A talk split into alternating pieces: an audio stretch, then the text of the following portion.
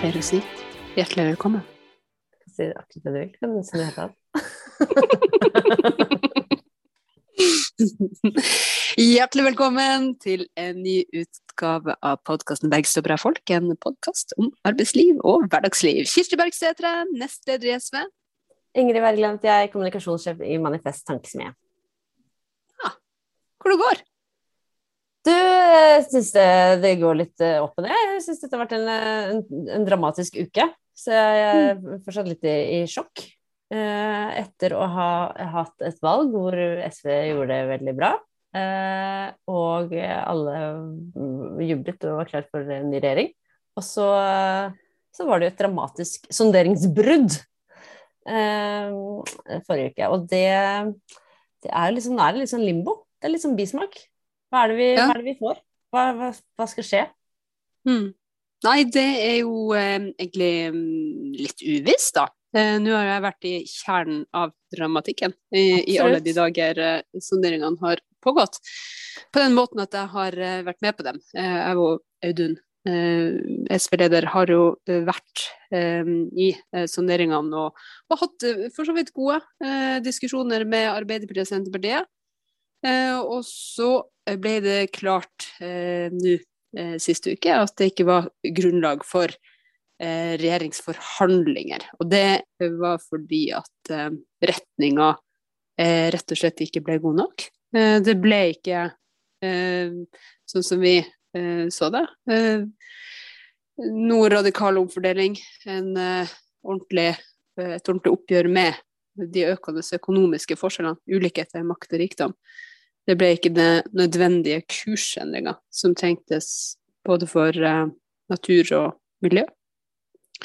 Og da var det også vanskelig å skulle gå videre, eh, fordi eh, det var jo noen avklaringer som ble eh, pressa frem, kan man si, fra, fra sonderingene, og som man måtte akseptere for å gå over i forhandlinger. Men unnskyld meg, Eh, kan jeg bare mhm. få en klarhet i det? For når man da skal gjøre noen avklaringer i sonderinger før forhandlinger, Mm. altså da har man jo begynt forhandlingene.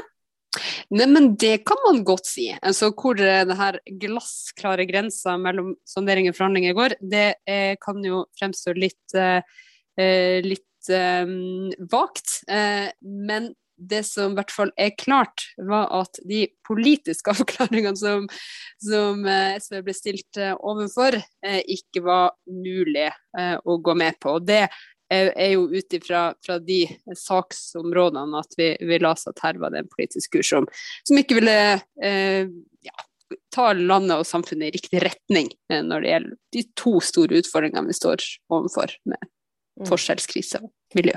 Men du, når jeg har drevet valgkamp, så har jo jeg eh, noen ganger blitt spurt av folk sånn Men eh, hvorfor skal jeg stemme Hva er forskjellen på SV og Rødt, liksom? Eh, Hvorfor skal jeg stemme Mm. SV og ikke Rødt og sånn? Og så er en ting jeg veldig ofte har sagt, har vært at eh, eh, Mye bra med, med Rødts politikk, men eh, de har jo et landsmøtevedtak på at ikke de vil gå i regjering, og det, det vil vi.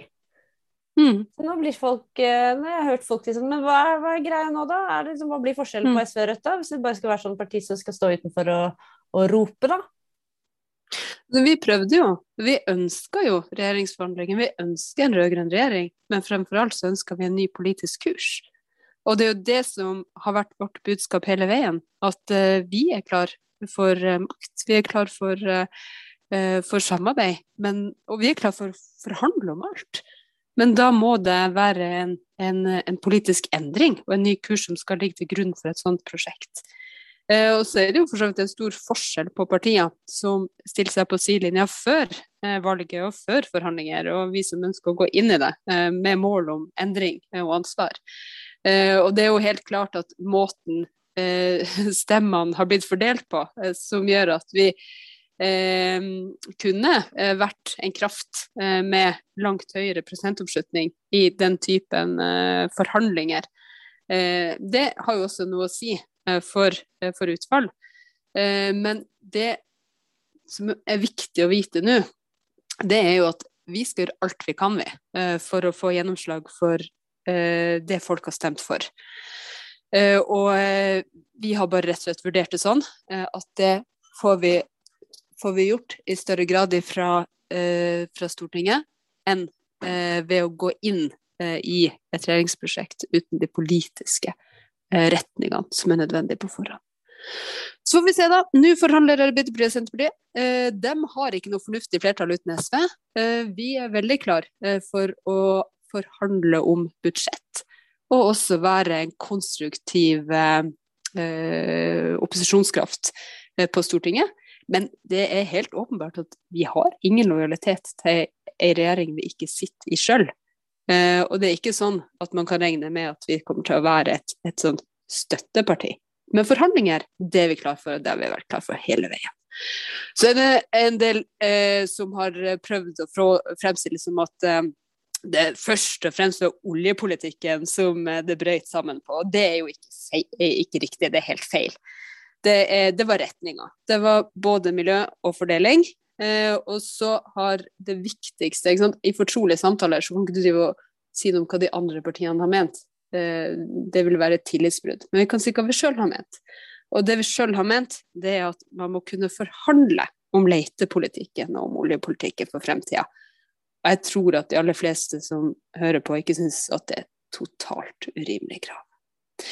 Men det er jo eh, noen eh, som eh, syns eh, at eh, valgkampen har vært frustrerende.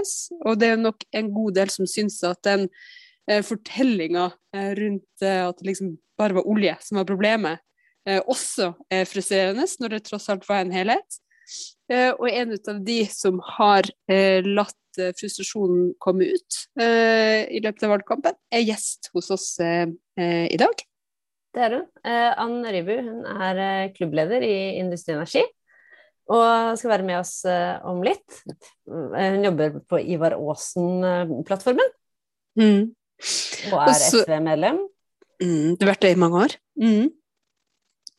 Og eh, har eh, rett og slett eh, i valgkampen vært interessert over måten olje og industri har blitt diskutert på og sagt hva med å snakke med oss om ikke og, og, ikke bare om oss. Eh, det har vært en ut av, av hennes uh, viktige budskap i denne runden. Det er ikke det uh, første og heller ikke det siste man hører fra Ann. Men før vi ønsker Ann velkommen, så har jeg gjerne lyst til å høre noe du har på hjertet i dag, Ingrid. Du, jeg skal ikke, skal ikke uh, utsette uh, lytterne for, for, mye forsinkelser før de skal få, få møte an. Men det er jo for, no, for noen av oss så forholder vi oss til dette konseptet høstferie. Eh, så nå er det mm. høstferie da, for mange. Eh, jeg forholder meg til det i den forstand at jeg ikke eh, må stå, sende barna mine på skolen, men kan bare dra på jobb selv. Det er jo en slags ferie fra hvert fall hverdagskjas-mas. Men jeg skal nå jobbe uansett. Men det er nå Man kan jo likevel ta inn over seg liksom feriestemningen. Mm. Hvordan kan man gjøre det? Jo, det er vel liksom bare skru ned farten litt og ikke ha så mye avtaler. Gå litt tilbake i litt sånn koronamodus. Det beste fra koronaen ro. så Det har jeg gjort. Og hva gjør jeg? Jo, da, da setter jeg meg i sofaen, da tar jeg et ullteppe, og så leser jeg boken og koser meg.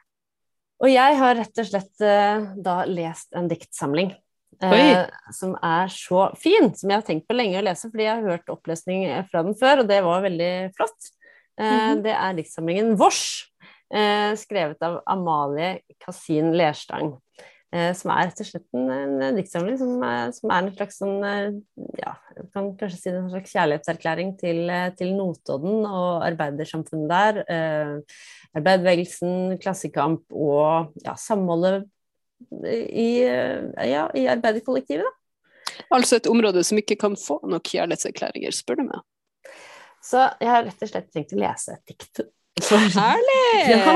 yes. Dette er um, fordi hun Det er mange dikt jeg kunne lest fra det, men uh, nå skal jeg bare ta ett, så kan det være en slags sånn måte lokke, lokke våre lyttere inn i, i, i arbeiderlyrikk. Men det kom for, for, tre år siden. Det er ikke noe tittel på dette diktet, så jeg bare begynner. Ja, vær så god. Take it away. Hun svenske, hun chilenske, hun polske og jeg sitter på pauserommet med utmatta armer. En nøtt ligger i en rød bøtte borte ved vannkokeren. Vi hviler hodene mot sofaryggen. Å snakke krever overskudd. Varme plastelina-figurer. I barnehagen er alle så trøtte. Barn er trøtte, og de voksne er trøtte. Alle barna klapper. Vi vugger og vugger og vugger. En av ungene svarer pappaen min er glad i mennesker, på spørsmål om hvilken jobb han har. Jeg vil realitetsorientere, så jeg mumler ambulansesjåførene kommer ikke utelukkende av kjærlighet. Fordi jeg ikke hyres via bemanningsbyrået, er jeg billigere i drift, jeg får flest vakter, Kjeft for å skifte bleie for treigt, men jeg blunker til barna. Man vinner barns respekt ved å strekke armene fram før krisene inntreffer, ved å se forskjell på traktor og lastebil. Tusen takk, Ingrid. Mm, vær så god. Så med det så skal vi dra fra en barnehage og inn i industriens hjerte.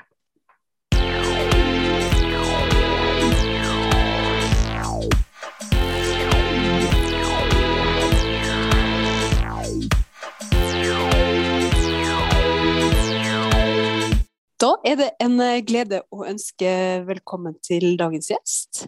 Eller ukas gjest, som eh, vi jo kan, eh, kan kalle det. Nemlig Anne Rybø, som er industriarbeider, oljearbeider. Og også klubbleder i Industri Energi. Hjertelig velkommen til oss, Anne. Tusen takk. Du, Ann, vi har jo invitert deg hit, eh, ikke bare fordi eh, du åpenbart kommer inn i kategorien bra folk, som jo er, er gjester i denne podkasten, men også fordi at du eh, i løpet av valgkampen hadde et, et intervju med NRK, der du rett og slett sa at som oljearbeider så var det frustrerende å på en måte bli parkert, satt på sidelinja i debatten som gikk i, valgkampen. Og også at nå er det på tide at eh, flere snakker med oss og ikke om oss. Kan ikke du utdype litt hva, hva, du tenkte på, og, hva som var grunnlaget for, eh, for det, det, intervjuet og oppslaget i NRK? Nei, det er Bakgrunnen for det er jo bare at det har vært veldig mye frustrasjon. Ikke bare på min arbeidsplass, men uh, overalt, egentlig, i oljeindustrien der uh, den store valgkampsaken plutselig har blitt uh, klima. Og man har gått fra noen få stemmer som, som har ment at oljeindustrien bør legges ned og er dårlig for klimaet og ferdig med det, til at det nesten har blitt gjengs mening. Da. Det har virka litt som at alle har kasta seg på den uten at vi har fått beskjed. Og har veldig sterke meninger om arbeidsplassene våre og hvorvidt vi kan omskoleres eller ikke, og om det er bortkasta at så flinke fagarbeidere og ingeniører skal være i oljeindustrien, og vi trenger dem andre steder. Og det er liksom ingen som plukker opp telefonen og tar kontakt med oss. Vi sitter ute på jobb i kaffepausen og ser det her på, på nyhetene og på debatten, og det er utrolig irriterende. Så jeg følte vel egentlig for å si ifra, men det var jo mest av alt fordi jeg faktisk ble spurt. Um, så jeg måtte jo bare stille opp på det innslaget. For det er litt når du kjefter på at oljearbeiderne ikke blir hørt, så må du i hvert fall være modig nok til å stille opp de gangene du får spørsmål om det. Så da, da gjorde jeg det. Da må man uh, la, seg, la, seg, høre når spørsmålet kommer. Du, kan ikke du uh, bare si litt om hvor du jobber hen, sånn at folk får, får, et bilde av det? Ja, jeg jobber ute på en plattform som heter Ivar Aasen. Det er, det er flott er et av de veldig veldig flotte navnene, kan vi si det? Det er jo mye ja. flotte plattformnavn, men jeg må jo si at Ivar Aasen har jo en, et sterk eh, sus man blir ja, kjærlig av å høre om. Ja, ja er, vi har faktisk nynorske sitat ute på plattformen for å virkelig varme opp hjertet ditt. Um, det ligger uh, en time utenfor Stavanger med helikopter, så det er ganske langt sør uh, i Nordsjøen. Men, eh, men, du bor selv i, i Trondheim. Hvordan, eh, hvordan, er det du reiser, og hvor lenge er du der? Altså, hvordan er turnusen din? Eh, jeg reiser ned med fly til Stavanger, og nå har vi jo reist dagen før, for vi har måttet ta koronatest før, før vi reiser ut. Um, men um, hva var spørsmålet igjen? Ja, så tar du helikopter én time ut i havgapet. Hvor er det altså, det er helt konkret, altså, hvor, hvor tar du man helikopter fra for å reise dit? Nei, Rett ved siden av eh, Sola flyplass, eller som en del av Sola flyplass, så er det en helikopterterminal. Eh, og det er Folk som har reist mye fra Sola, har nok sett det, og folk som bor i Rogaland, kjenner jo godt til det. Eh, så da bare hiver du deg på helikopteret og fyker ut. Enkelt forklart. Og min turnus er sånn at vi jobber tolvtimersskift i 14 dager. Og så har vi fire uker fri. Så det, det er en ganske god turnus for, for folk som syns det er kjekt å jobbe intensivt og virkelig være til stede på jobb når man er det, og så ha skikkelig fri etterpå. Mm, men tolv timer er lange dager, da? Ja. Klarer man å konsentrere seg i tolv timer? Du driver jo Fordi du jobber i et laboratorie? Ja, det stemmer. Jeg er laborant, annet. Så jeg tar masse prøver ute i prosessen for å se at eh, ting går som det skal, eller hvis vi får spørsmål fra ingeniørene på land at vi må sende inn prøver og forskjellig. Mm. Så det er ingen dager egentlig like. Ann, har ikke du flere fagbrev? Ja, jeg er prosessoperatør også. Og så har jeg teknisk fagskole. Nettopp begge deler. Mm. Ja. Men hva er det du sa du måtte sjekke og sende til ingeniører? Eh, det kan være ting som de finner i produksjon, eller noe som oppstår som de vil kikke nærmere på. Det kan være veldig mye forskjellig. Og generelt så tar vi jo kvalitetsprøver for å dokumentere at ting er som det skal være eh, rundt omkring. Så du ser på olje i mikroskop? Nei, men uh, det kan være så vanskelig å forklare for folk som ikke har den bakgrunnen. Ja, sorry, jeg prøver bare å skjønne hva det er du gjør. Det, det, det, skjønner jeg kan være litt sånn, sånn mystisk uh, for folk med en annen bakgrunn, men det kan jo være litt greit å bevare mystikken òg. Mm. Det, det, er rett og slett at eh, laboranten jobber tatt opp mot prosessen for å se at ting er som mm. det skal. Mm. Ikke sant. Men hvordan er det, du sier at det er tolvtimersdager. Har, dere mye, har dere mye overtidsarbeid? Dere som er ute på, eller inne, inne ute på, på laben altså jeg, er jo, jeg, er jo, samboer med en industriarbeider som jobber ute på mm. sokkelen. Og jeg vet jo at de har jo veldig ofte, ikke bare tolvtimersdager, men, men overtid utover det. Ja. Er, er, det sånn at det gjelder dere òg? Fordi det er jo en, det er jo en sånn fortelling om at oi, de på sokkelen har så sinnssykt gode eh, avspaseringsordninger, arbeidstidsordninger, men det er jo eh, det er ikke mange timer til, eh, til søvn og hvile når man først er på jobb.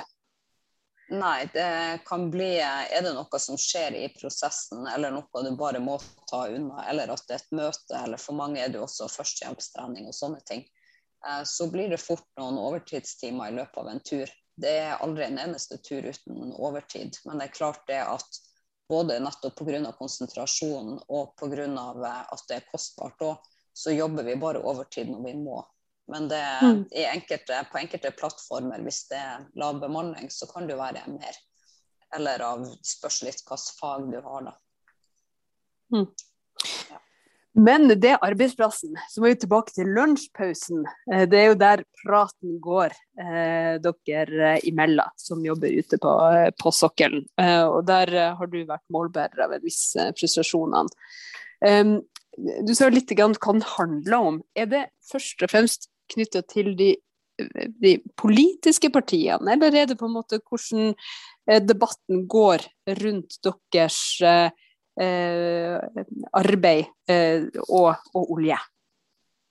Eh, det er jo knytta til politiske partier, eh, men også generelt til miljøbevegelsen. Altså både, da kan det jo både være Bellona og Natur og Ungdom og sånne ting, men men selvfølgelig også alle partiene som har en miljøprofil. Og nå har vi jo faktisk ganske mange eh, som er opptatt av miljø. Du har I tillegg til SV så har du jo Rødt og du har MDG, som er jo den som kanskje har høsta mest hat også ute hos oss. Eh, og så har du også Venstre og KrF, eh, selv om kanskje ikke de er like profilert alltid, eller like omdiskutert, så er det jo ganske mange partier som er opptatt av miljø, eller som har en miljøprofil. Um, så det blir jo litt sånn en smørje når du først er provosert, antar jeg. Um, at det blir litt sånn en gjeng som sitter og diskuterer. Og at man da kanskje også diskuterer seg imellom at vi vil ha det litt mer sånn, og vi vil ha det litt mer sånn. Mens ingen er i nærheten av hvordan vi oppfatter landskapet, og hvordan vi vil ha sakene våre. Så vi kan bare sitte og få servert den ene saken etter den andre. For det er klart at en del av det her er jo pga. media. For vi får jo det her servert, og de bygger jo ofte opp sakene sine rundt en konflikt. At du har to partier som er veldig uenige eller skjeller hverandre ut, eller du har klimasida og oljesida at du er nesten nødt til å velge en side, selv om de fleste vil være et eller annet sted i midten. Um, så det blir, det blir, ganske ampert, og man har kanskje ingen som man kjenner seg igjen i, som egentlig taler, taler vår sak. da.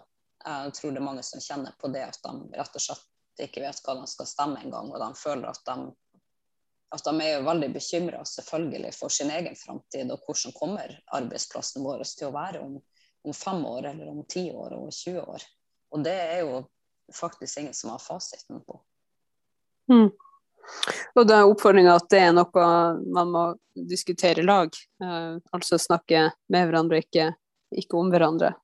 Men hvordan, hvordan, skal det egentlig skje? Altså, nå har vi jo eh, nå har vi en tid bak oss der også de, store deler av demokratiet, av uh, de møteplassene vi kan ha for å forstå hverandre og bryne oss på hverandre og diskutere sammen, de har vært borte eh, siden det har vært nedstenging og, eh, og, folk ikke har kunnet møtes eh, på samme måte som før. Altså, som nestleder i SV så drar jeg jo eh, med det samme eh, fagforeningene inviterer. Eh, og også selvfølgelig klubber og forbund i tilknytning til industrien. Absolutt. Og vi har jo også gjerne invitert Eh, de miljøene inn, når vi f.eks. har programprosess eller den typen ting. Eh, så man har jo ikke helt sånn her om måten eller strukturene for å møte hverandre på. Da blir det jo kanskje som du sier at det blir skrekkelig polarisert. For vi har jo eh, sett at det brøles. brøles både på den ene og den andre sida. Vi har klimabrølet som ble starta opp for noen år siden av, av enkeltpersoner, og som har gått år etter år med mål om å Eh, få frem at det haster eh, å redusere utslipp og ta vare på natur. Og så har vi fått det her oljebrølet, som har litt nyere eh, karakter, men som har, som har fått veldig mange tilhengere, og også en del kritikk. fordi at det er særlig dominert av Frp i, i, i grunnlaget der. altså Eh, hun som starta opp oljebrølet, Helene Sørbu, eh, er jo sjøl Frp, har vært ordførerkandidat for Frp. Og de hadde en moderator, Ronny Alte, som både er kjent for eh, Odins soldater og Norwegian Defence League. Um, så det har jo på en måte blitt litt sånn Eh, det har blitt litt mye pakka inn i, eh, i diskusjonene rundt, eh, rundt det her oljebrølet. Da vel litt mye å ta stilling til.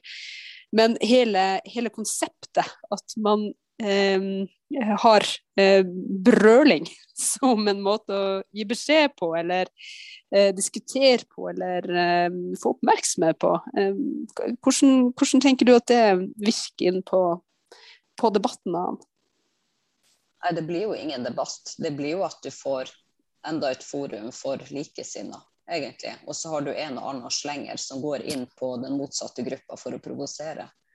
Um, så det er klart at noen dialog får du ikke. Men der du snakker om at, at partiene og fagforeningene kan ha møteplasser, og man kan bli invitert på industribesøk og alt det der og, og lære mer, så tror jeg den gjengse mannen i gata og den gjengse oljearbeider føler at de har et talerør. Det er jo ikke noe lokalt forum for hvermannsen å gå inn og snakke med et politisk parti og si hva de mener om saken. At eh, de kan gå inn og legge føringer på hvordan industripolitikken skal være. Og med det sagt så tror jeg nok mange sjøl heller ikke vet hvordan politikken skal være. Eh, men de kjenner sin egen arbeidsplass og de kjenner produksjonen og jeg tror at vi på vår side skal være flinke til å bruke det, og også bruke de tillitsvalgte og fagforeningene og forbundene til å ha en dialog opp mot de politiske partiene. Og samle meningene våre og ha en klar politikk for oss sjøl, hvordan vi vil at ting skal være. Hva vi trenger for å faktisk ha en blomstrende industri. Eh, og hva som politikerne er nødt til å stille opp med. at Det er klart at vi er jo nødt til å bidra på den sida også en frustrasjon har nok kommet av at enkeltpersonene har ikke den muligheten å se bare alt det her som foregår på TV det er dag etter dag etter dag med de samme diskusjonene fra folk som aldri har spurt hva de mener om saken. Så det, det blir jo ikke noe bedre av å få de her oljebrølet og klimabrølet. Og jeg kjenner sjøl at jeg orker ikke å engasjere meg i det, for det er veldig tappende for krafter. Det er ikke sånn som jeg vil ha det. Jeg er interessert i å påvirke. Og det, du påvirker ikke noe gjennom en sånn gruppe, men jeg vet at for mange av dem som er medlem, de skriver ikke nødvendigvis noe, men de har jo lyst til å vise at de støtter den saken, at de støtter oljesida eller de støtter klimasida. Så derfor har de gått inn og likt det. Men de har ikke nødvendigvis lest så mye hva som står der òg, så vi skal være litt forsiktige med å ilegge folk meninger òg som kommer fra mm. de gruppene, og bare si at folk trenger jo en måte å uttrykke seg sjøl på. Eh, så jeg forstår godt folk som er, med der, men jeg bare orker ikke det av personlige årsaker. Mm. Ja, det er jo litt eh, tilbake til den gode gamle Don't Panic Organize, da. Eh, du er jo klubbleder, så du er jo og, og, og, partimedlem, så du har på en måte gått inn i, i, i etablerte organer for å, måte, ja, for, å, for å, løfte stemmen din, da. Men, eh, men, det er jo Det må jo være mulig også, da, når folk sitter og er frustrert i, i Eller det burde være mulig, da, når folk sitter og er frustrerte i lunsjen, at de de burde få en hang til å faktisk ja, gå inn i sitt parti eller, gå inn i, eller være aktiv i fagforeninga for, for, å si fra på den måten, da. Uh, men, uh, men uh, det er kanskje ikke så lett alltid å, å, klare å fange opp det, da. Sende folk, sende folk hjem til sine lokallag, liksom. Ja, det, det går jo an å oppfordre til det. og jeg gjør jo det iblant hvis folk har veldig sterke meninger, og spør hva, ja, hva har du tenkt å gjøre med det. Um, men det er ikke så lett. For at det at du stemmer på et parti, betyr jo ikke at du er medlem der, og du kanskje ikke føler sterkt nok til å være medlem. Og for noen så tar de det nesten år for år, for å si det sånn, hvilket parti de er mest enig med. Uh, fordi kampsakene dine også kan forandre seg. Så du vet jo ikke når de har møte, eller hvor du kan treffe folk. Og det er jo selvfølgelig er det en terskel å gå inn til et politisk parti og skulle komme med dine tanker og meninger til et helt rom som sitter og ser på deg. og i hvert fall sånn som det, det oppleves nå, at de som er politikere, de er proff. Og så skal du komme inn som en eller annen tulling fra arbeidsplassen din med skitten kjeledress og si at du, den der industripolitikken deres er ræva. Altså du føler jo kanskje ikke at du har faktisk en, en, mulighet til å si ifra eller til å komme inn og til å bli hørt. At det blir en veldig sånn Profesjonalisering av politikken gjør jo også at det blir en sånn stengsel mellom folk som gjør at jeg heller ikke klandrer folk som syns det er vanskelig. For det er mange som har gode meninger, og som forstår begge sider veldig godt, men, men som ikke har noen mulighet til å si fra eller til å delta. Så jeg tenker at om ikke annet så må tillitsvalgte og foreninger og forbund gjør en jobb, og de enkelte arbeidsplassene gjør en jobb for å bygge bro. da. For det er jo, det er jo på mange måter um, et, uh, noe som mangler uh, i, det, i, det, som, uh, som du etterlyser, Ann. hvor er det arbeiderkollektivet kan påvirke demokratiet? og hvor er demokratiet eh, kan styres av eh, organiserte arbeidsfolk. Og, og der eh, eh, det, Og det, det, bør jo være et mål, i hvert fall for oss som, som, ønsker at folk skal bestemme mer, at man skal utvide demokratiet, at man skal lytte. Eh, at de, forandring skal komme nedenfra.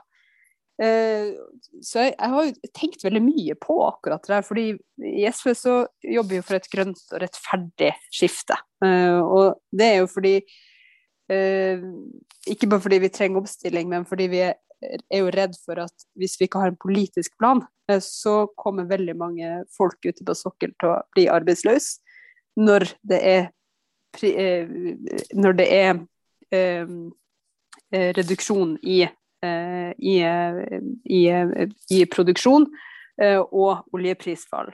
Og at man vil være i en veldig sånn eh, sårbar situasjon, der man risikerer at veldig godt organiserte arbeidsfolk forsvinner ut over natta, i stedet for at man får til et rettferdig og grønt skifte som innebærer både nye oppgaver knytta til de, de nye, ja, nye, løsningene som som eh, CO2-fangst og -lagring og nullutslippsteknologi osv.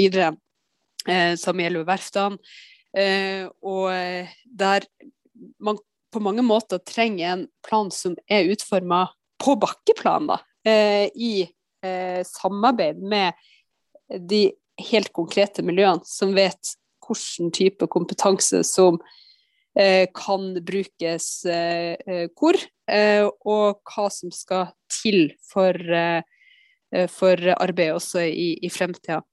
Men sånn funker det jo ikke helt. Det funker jo sånn at man snakker, toppene snakker med hverandre, og så er det liksom ingen nødvendigvis direkte kanal fra den enkelte arbeidsplass til politiske beslutninger. Hva er det man kan gjøre for å, for å på en måte styrke den stemmen nedenfra? Eh, Nå skal det jo sies at ingen av de forbundene som organiserer eh, folk i industrien, verken Fellesforbundet Industri og Energi eh, eh, og for så vidt LHIT, eh, har jo støtta sånne ting som eh, oljebrøl og sånn. Vi har jo helt andre kanaler for å diskutere med hverandre. Men likevel så er det jo spørsmålet hvordan kan den enkelte eh, organiserte eh, arbeider være med på å forme samfunnet eh, mer direkte, istedenfor å kjenne på den avmakta som du veldig godt beskriver? Eh, jeg tenker at det er en ting med dem som tør å kanskje stille opp i NRK eller skrive et leserinnlegg og alle de tingene der. Men for mange så er det helt utenkelig. Eh, og så er det ikke alltid lett å komme på heller, for å si det på den måten. Men jeg tenker at ansatte og bedrifter faktisk kan invitere politikere, om det er stortingspolitikere eller lokale politikere, på bedriftsbesøk. Så de får se hva vi faktisk har, og hva vi risikerer å miste. Hvordan vi produserer og faktisk møter folk ansikt til ansikt. Eh, og det handler jo både om den brobygginga som vi trenger, men også det at hvis du klarer å engasjere politikerne, så er min erfaring er at det er større sjanse for at de stiller opp når politiske beslutninger skal tas.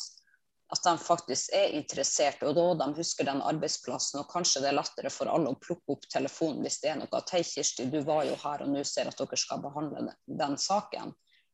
Eh, og da har jeg lyst til å være med, eller jeg har noen tanker om det her. Eh, at det er veldig viktig at vi bygger rett og slett en relasjon, sånn at vi kan ha løpende kontakt. Det holder ikke at at én politiker er på én arbeidsplass én gang. Det er jo noe som skjer absolutt hele tida. Det er jo en konstant utvikling. Så vi trenger jo å ha en løpende dialog. Og der den enkelte, både forening og bedriftseier, kan invitere politikere dit. Fordi det kan virke litt sånn å shit, kommer de en gang til å komme, eller bryr de seg? Eh, så bare vit det at eh, alle politikere elsker å stille opp i arbeidsklær og eh, hjelm. Så det er bare å sende litt invitasjon. Det, det er min oppfatning. Men det er jo også utrolig kjekt å faktisk se hva vi bygger i dette landet, og hva som skjer utenfor kontorene til folk. Så jeg, mm. jeg tror ikke folk skal være redd for at politikerne ikke stiller opp. De syns jo det er veldig kjekt, de òg. Og selv om vi liker å kjefte på politikere, så vet jeg også at uansett hvilken farge de har, så prøver de å gjøre det som de mener er det beste for landet. Og alle har jo lyst til å ha et blomstrende næringsliv. Men det er litt viktig at vi holder dem i ørene, at vi får dem til å love ting, at vi følger dem opp på det, og at de prioriterer oss. Fordi jeg vet at ethvert politisk parti har måttet legge fra seg god og viktig politikk fordi det er andre ting som må prioriteres. Og sånn er det bare. Det er uendelig masse ting man kan ta tak i. Men vi er nødt til å sørge for at vi blir prioritert, at vi blir hørt. Og der har jo vi en viktig del av den jobben. At vi kan ikke bare forvente at politikerne skal skjønne det. Vi må kanskje ta og besøke det lokallaget og fortelle om arbeidsplassen vår, eller om hvor viktig billig kraft er for eh, smelteverket alle de tingene der at det er det står egentlig mest på viljen. At folk må skjønne at den makta, den har vi faktisk. Men man må, som du sier, ikke få panikk, men organisere deg, gjøre noe med det.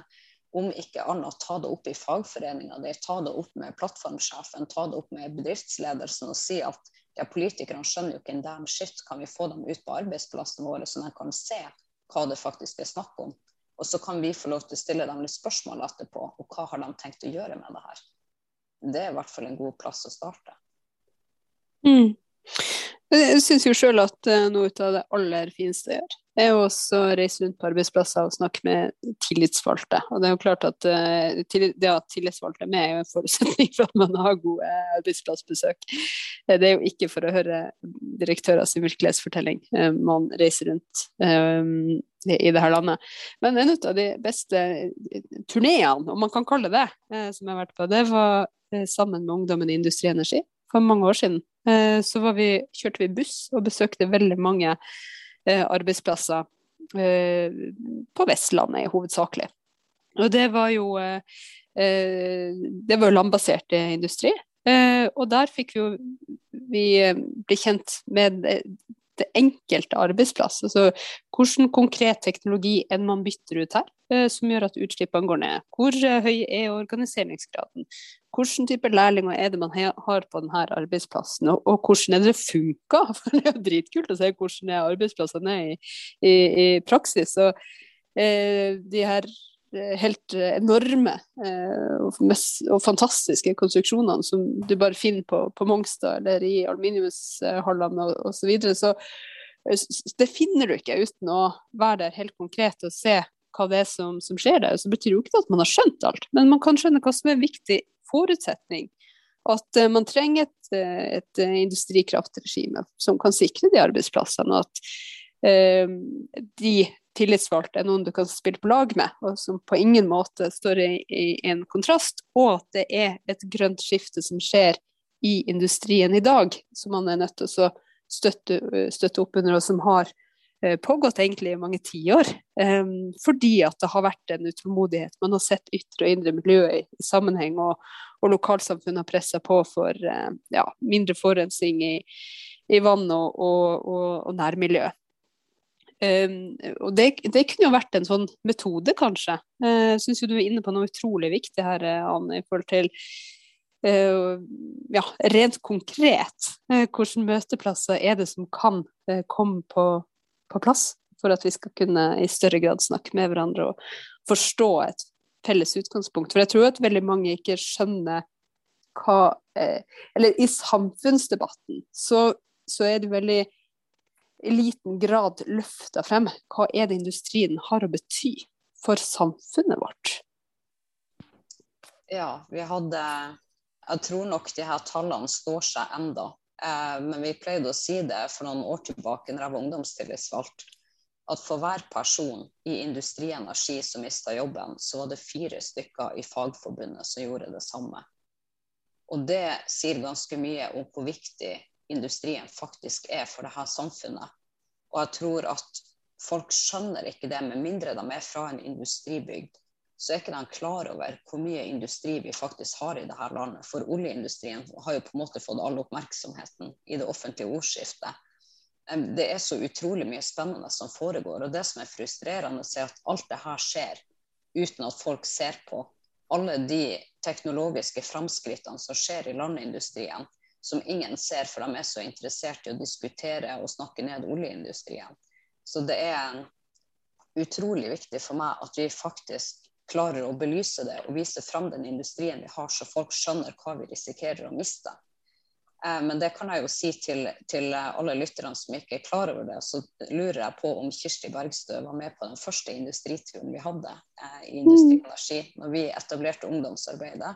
Og jeg har bilde av meg og deg på en fabrikk på Hydro Karmøy for, for, veldig mange år siden. Eh, og på den tida så var vel du SU-leder. Riktig. Eh, og Kirsti fikk ganske mye tyn for å være en av dem som sto på barrikadene for den norske industrien. Eh, og det er jo ganske kult, fordi SV har også forandra seg ganske mye de siste 15 årene.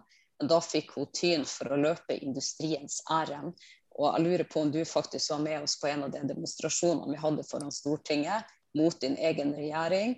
Eh, men det var fordi at saken og prinsippene var viktigere for deg enn at du ikke skulle være uenig med ditt eget parti. Eh, der har jo ungdomspartiene faktisk eh, eh kanskje vært veldig flinke til å vise sin uenighet med moderpartiene. Men da syns jeg du var ganske tøff, og jeg vet at du har fått mye dritt for det. Men sakte, men sikkert så har jo tida gitt deg rett. Eh, og SV har jo også forandra seg ganske mye når det kommer til næringspolitikk. Og jeg tror ikke det handler om at man syns at industrien er uviktig, men man har rett og slett ikke visst nok om det, er min påstand, og ikke kjent så mye til det. Og så har det kommet til noen som har vært litt interessert, og så har det sakte, men sikkert balla litt på seg. Men, eh, men, eh, at Kirsti har vært på noen bedriftsbesøk rundt omkring, eh, det stemmer veldig godt. Og det er ikke noe som hun ble interessert i i går. We go long way back. men, men, det er veldig interessant det du, du sier der, med hvordan, hvordan, folk mangler forståelse og bevissthet rundt industriens viktighet. Da. Og jeg tenker tilbake på min egen skolegang, da, som jo selvfølgelig er viktig for å forme Uh, meg da, som en, en, en middelklassejente fra, fra, Bærum. Som, det er ikke så innmari mye industri på Lysaker, eh, liksom. Uh, mye kontorbygg. og jeg husker jo det, det, var jo det før, ja. ja sant? men, jeg husker, men jeg husker jo liksom, jeg husker bare hvordan vi lærte om hvordan samfunnet utviklet seg. Jeg lærte om sånn. Først var det jordbrukssamfunnet, så var det, så var det industri, så er det Eh, eller hva det, hva det heter, tertiær og industri også. Nå er det service. Nå er det service! Nå er det servicenæringen som er eh, liksom det ende, endepunktet for samfunnet, liksom.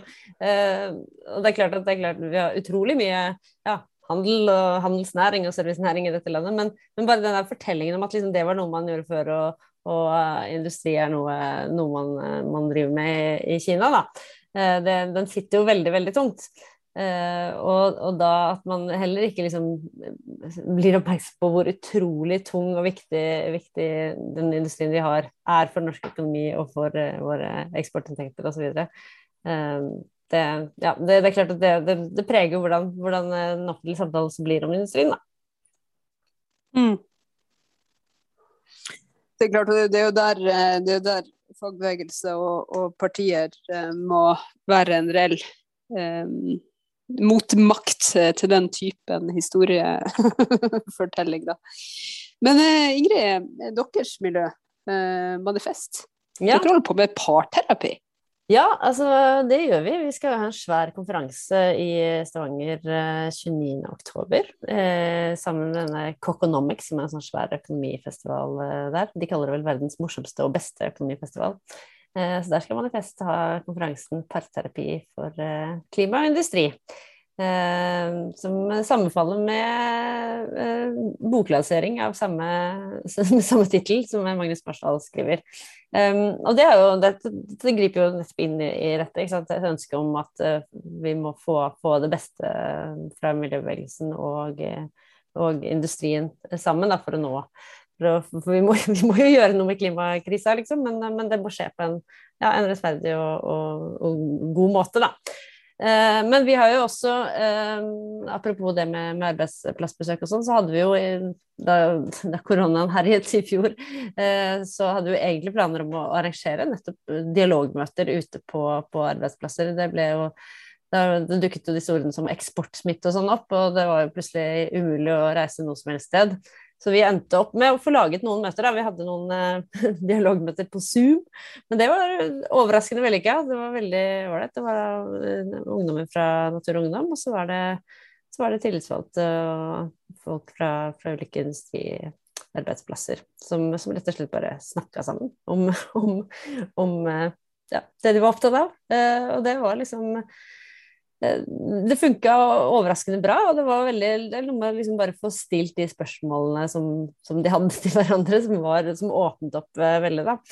Jeg har også vært på et annet uh, møte som, uh, som, var i regi av L og IT på, et, på et utested i Oslo, da, på Kulturhuset i Oslo, hvor det var en samtale med, med da Anja Bakken Riise, leder i Fremtiden over hender, Eh, og uh, Atle uh, Romstad Forfang fra Fellesforbundet, som rett og slett snakket om ja, klima og industri. Og da var det også utrolig gode, gode spørsmål fra salen, og mye, mye ja, engasjement og temperatur. Så det var tydelig at det var, mange, det var mye som, som, som, folk ikke hadde fått spurt om før, da. Særlig opp mot mm. lederen i Framtiden vår hender, da. Så det, det var veldig ja, det var ålreit. Ordentlig fin, fin prat. Ja, jeg tenker at det er veldig viktig å ha den dialogen. For som du sier, så gjør det at partene kommer litt nærmere hverandre og kanskje ikke er så, så innbitt. Men på den andre sida så vil jeg også i hvert fall ha det sagt at ord skaper ikke arbeidsplasser, men det gjør politikk. Så det er noe med at det her blir fulgt opp i ettertid. Så selv om man kan lære mye, så må det på en måte omsettes i praktisk politikk. Eh, og det, det, som jeg har savna mest, egentlig, og når jeg har tenkt over det, så blir det utrolig provosert, eh, så er det at miljøsida har egentlig alltid brukt energien sin på å kjefte på oljeindustrien, men de har ikke stått skulder til skulder med oss når den såkalte grønne industrien har sitt. For vi har jo utrolig mye industri i dette landet, og den type industri som de også kan støtte, altså som ikke er olje. Eh, men da har det på en måte ikke vært så mye å høre fra den kanten. Og det er noe som jeg skulle egentlig likt å snakke med en samla miljøbevegelse om, at hvor var dere? Og hvor var dere når 700 stykker på på REC solcelleindustri mista jobben over natta. Det er liksom ingen som står på virkelig på barrikadene da, og da føler vi oss ganske alene. Jeg tror ikke man skal være redd for å ta over en demonstrasjon eller ta over diskusjon. Man skal faktisk tørre å vise at her står vi sammen med dere. Og så kan vi være uenige om den biten der. Men vi må på en måte, altså det er bare så lite troverdig for meg. Mm. Miljøbevegelsen har ingen troverdighet på industripolitikk. at Hvorfor skal vi lytte på dem når det kommer til olje? Og Når de snakker om grønn industri, så blir det på en måte bare ord. For hvor har det her vært når vi har trengt dem? Hvor har folk vært da? Jeg har ikke sett dem. Og det igjen med unntak av en tidligere SU-leder. Eh, så, så, er det en sånn frustrasjon, for det har i hvert fall ikke vært synlig. Og det kan godt være at det finnes enkeltmennesker i alle partier som er dyktige, og som stiller opp eh, og som kanskje føler at denne kritikken ikke stemmer overfor dem. Men det store flertallet, det er liksom det er noe som mangler her. At da må vi kunne vise når vi er enige også. For ellers så hvorfor skal vi lytte til folk når de er uenige med oss, og ha en god dialog på det? Det, det kan kanskje ha noe med roller å gjøre, da? Jeg vet ikke, for Når du sier sånn miljøsida, så er det jo sikkert Natur og Ungdom og Naturvernforbundet og, og de de, altså de, organisasjonene som holder på med miljø, men som kanskje ikke er medlemsbasert og, og, og like demokratisk som de to. Um, for så vidt framtida vår handler og den type ting òg.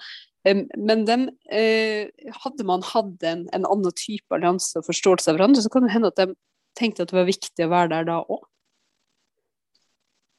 Ja, jeg tenker, hvor er den jævla klima for industrigjengen?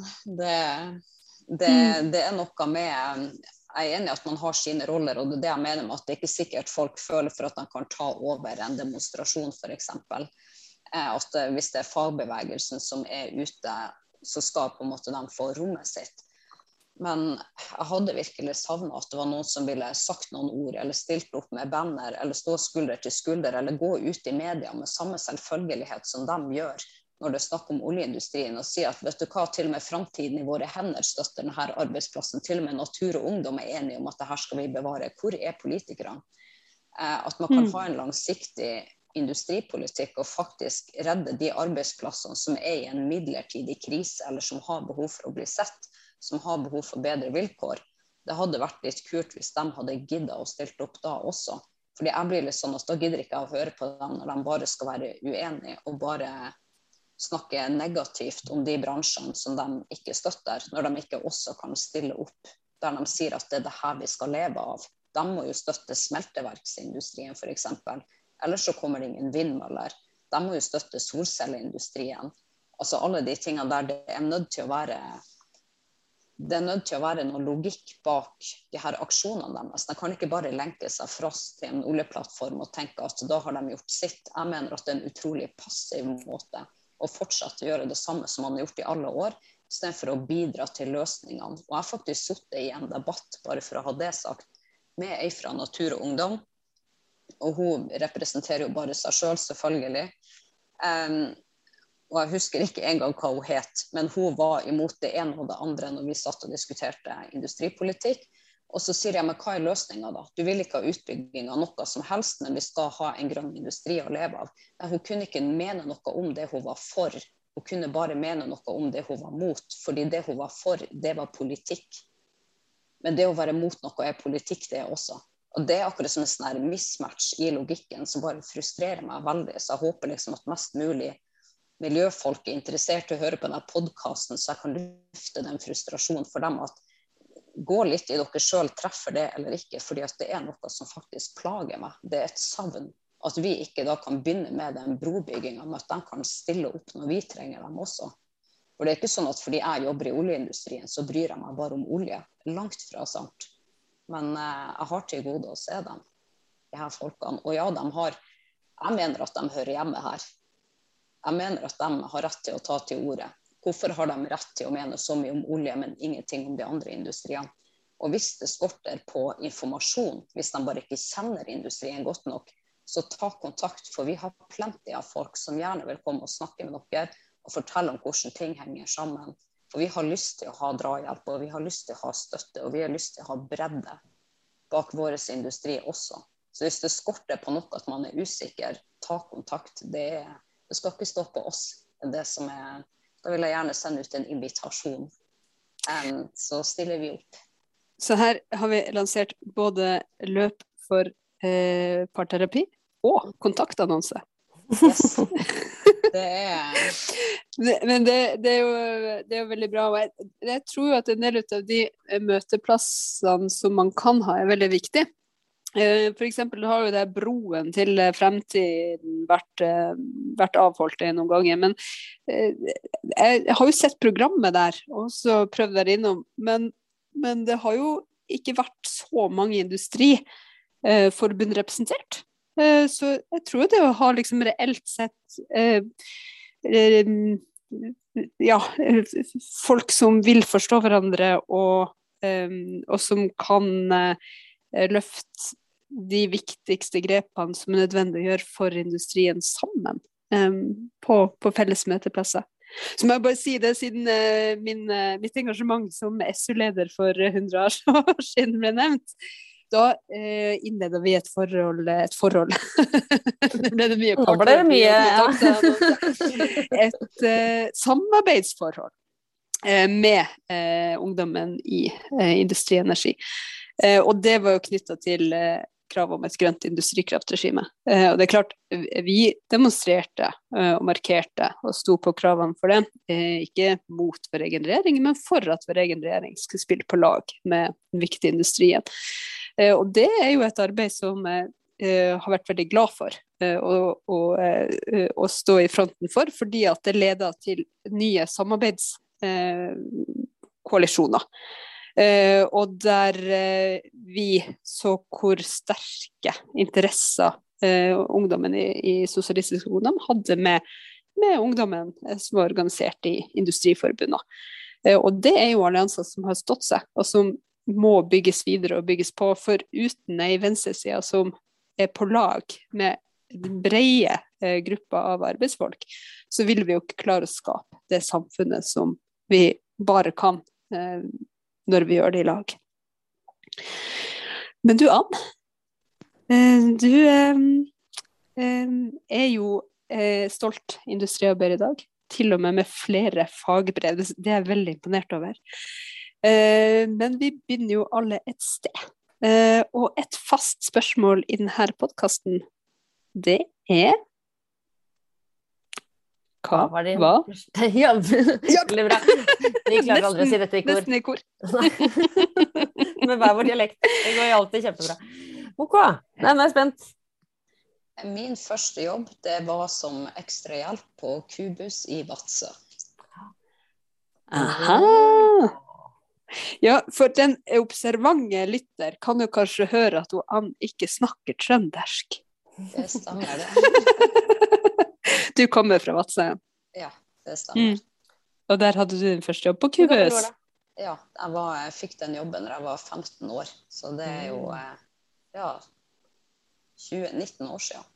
Men fikk du liksom litt billig klær sånn da? Så du kunne gå rundt med fine eh, Kubus-klær? Fikk 40 på klær og 25% på kosmetikk. Så eat your heart out. så der forsvant kanskje de pengene du tjente òg, eller hvordan var det? Ja, nei, En av kollegaene mine måtte faktisk eh, For du kunne liksom skrive det opp i en bok, da, så kunne han bare trekke rett fra lønna. Men hun måtte faktisk betale en måned i stedet for å få utbetalt lønn, for hun hadde kjøpt så mye klær. Så jeg, jeg, tror nok det var god business for Kubus. Ansette unge jenter, ja. Det var smart. Hvordan var det? Var du organisert og sånn på den tida? Du hørte om handel og kontor og fagforeninger som, som organiserte Det, det Nei? var um, milevis fra. Men da var jeg jo Jeg gikk jo på ungdomsskolen da, så det var mm. liksom ikke noe. Men uh, Hva var dine viktigste erfaringer, da? Nei, det var egentlig bare å lese folk, egentlig. De som overhodet ikke ønsker hjelp og har lyst til at du skal la dem være i fred. Eh, og, eh, og, når folk skal velge mellom to plagg, så har de egentlig allerede bestemt seg. Oh. Oi, er det sant? Dette er veldig interessant. Fortell om det. Ja, nei, jeg husker det veldig godt når det er som en, eh, spesifikt når en dame spurte meg om den kjolen eller den kjolen, og så sier jeg bare en av dem, og så ser du at hun blir liksom litt skuffa, og så sier hun men den andre sånn og sånn. Hun hadde jo egentlig allerede bestemt seg, og sånn er det jo med det meste. At hvis du får en annen til å si ta den, så vet du om du blir fornøyd eller skuffa. Så det, mm. det, det gjelder kanskje i mange livets områder, eller? Det her er overførbart til det meste, og det er faktisk mm. ikke så sjelden at jeg bruker ting som jeg lærte i den aller første jobben. Så det har ikke noe å si hvor du, hvor du jobber, egentlig. Du kan lære noe av alt hvis du er interessert. Mm. Kloke ord. Veldig kloke ord. Og jeg tenker jo når du sier at det holder ikke at man sier eh, den eller den. Valget må komme fra eget hjerte og, eh, og ønske det er jo viktig. Eh, nå har vi vært inne på ting som eh, kontaktannonser og parterapi og andre store spørsmål her. Datingpodkast, det her. Du, takk for at du var med oss. Eh, takk for at du bar stemmen til de frustrerte kollegaene dine i lunsjpausen i valgkampen. Vi håper at du som hørte på, ble litt klokere av det, så håper vi at du vil være med på de felles eh, samlingsplassene som trengs eh, for alle som er opptatt av miljø, alle som er opptatt av ei framtid for industrien, og alle som er opptatt av et mer rettferdig samfunn, der arbeidsfolk ikke bare blir mer hørt, men også har mer å si. Takk for laget.